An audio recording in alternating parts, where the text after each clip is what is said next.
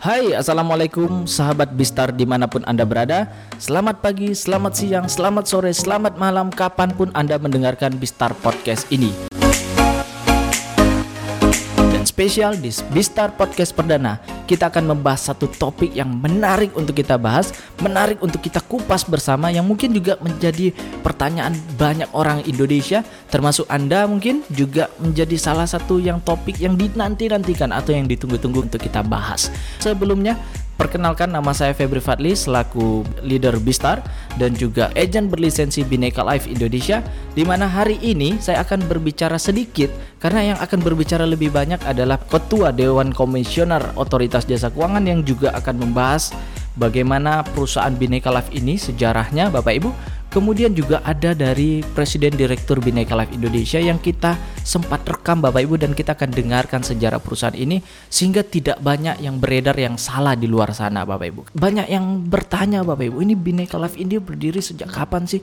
Kemudian perusahaan ini apakah berganti kulit ya ada yang bahasa seperti itu atau berganti nama dari perusahaan yang lalu dan sebagainya. Nah, maka dari itu penting untuk kita bahas bersama Bapak Ibu sehingga Anda mendapatkan informasi yang benar apa adanya bukan hanya dari saya, bukan hanya dari Presiden Direktur Bineka Life tetapi juga dari Ketua Dewan Komisioner Otoritas Jasa Keuangan dalam hal ini regulator yang memang mengawasi industri ini Bapak Ibu. Nah, ini kita dengarkan langsung sejarah perusahaan Bineka Life dari Bapak Wiroyo Karsono. Berikut. Saat itu tahun 2016 oleh regulator OJK di, memerintahkan kepada pengurusnya Bumi Putra waktu itu untuk mencari investor. Nah, pendek kata investornya adalah Pak Haji Ismail ini beserta dengan teman-temannya ya, konsorsium. Bahkan mungkin Bapak Ibu sempat dengar waktu itu ada nama Pak Erick Thohir itu ya, sekarang jadi wamen ya. Eh, jadi bukan wamen, menteri, menteri, ya, itu temannya Pak Pak uh, Haji Ismail. Jadi yang yang ada adalah Pak, Pak Ismail ya. Kalau Pak Erick itu temannya beliau.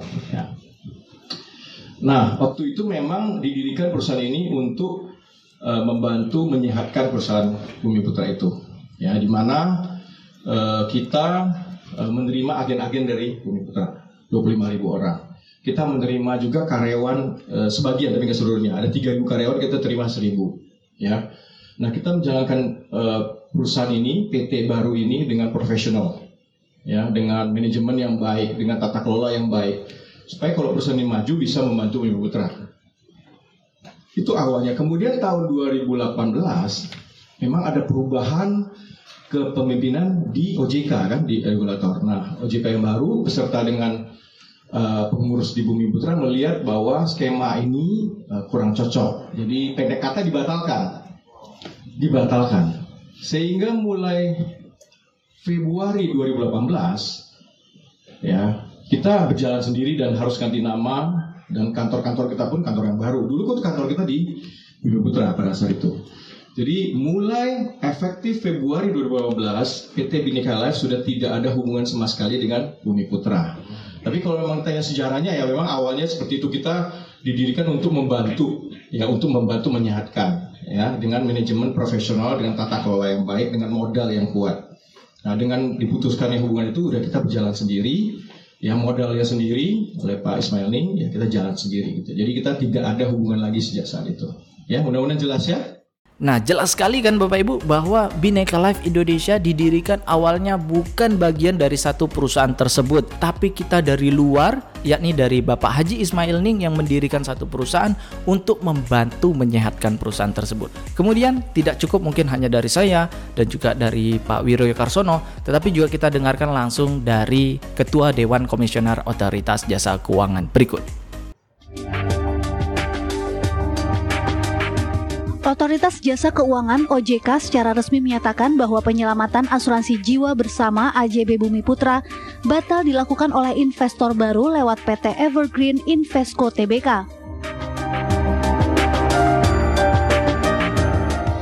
Ketua Dewan Komisioner OJK Wimbo Santoso mengatakan calon investor Bumi Putra tersebut dinyatakan gugur dan status Bumi Putra yang tadinya diubah menjadi perseroan terbatas telah dikembalikan kepada status semula. Sebelumnya, Bumi Putra adalah badan usaha berbentuk mutual, di mana pemegang sahamnya terdiri dari ratusan ribu pemegang polis.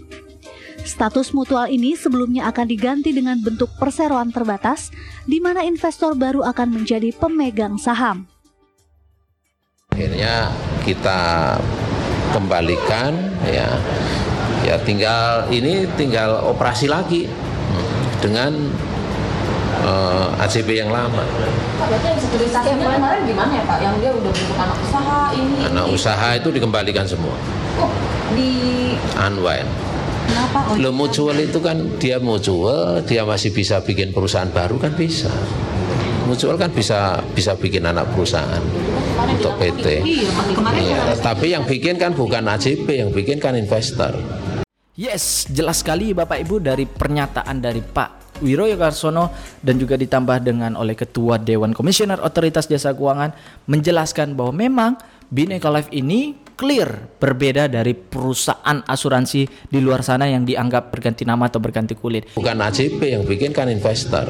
Bukan AJP yang bikin kan investor. Karena sejak awal pun modal kita berbeda, manajemen kita berbeda, bahkan pemiliknya aja beda Bapak Ibu. Maka kita harus jelaskan yang benar Bapak Ibu kepada masyarakat yang tidak tahu. Sekian dari saya Febri Fadli, sampai jumpa di Bistar Podcast berikutnya di mana kita akan membahas hal-hal yang menarik, bagaimana mengelola dan meningkatkan penghasilan dalam waktu yang bersamaan. Terima kasih. Wassalamualaikum warahmatullahi wabarakatuh. Bersatu dalam kebaikan. Bukan AJP yang bikin kan investor.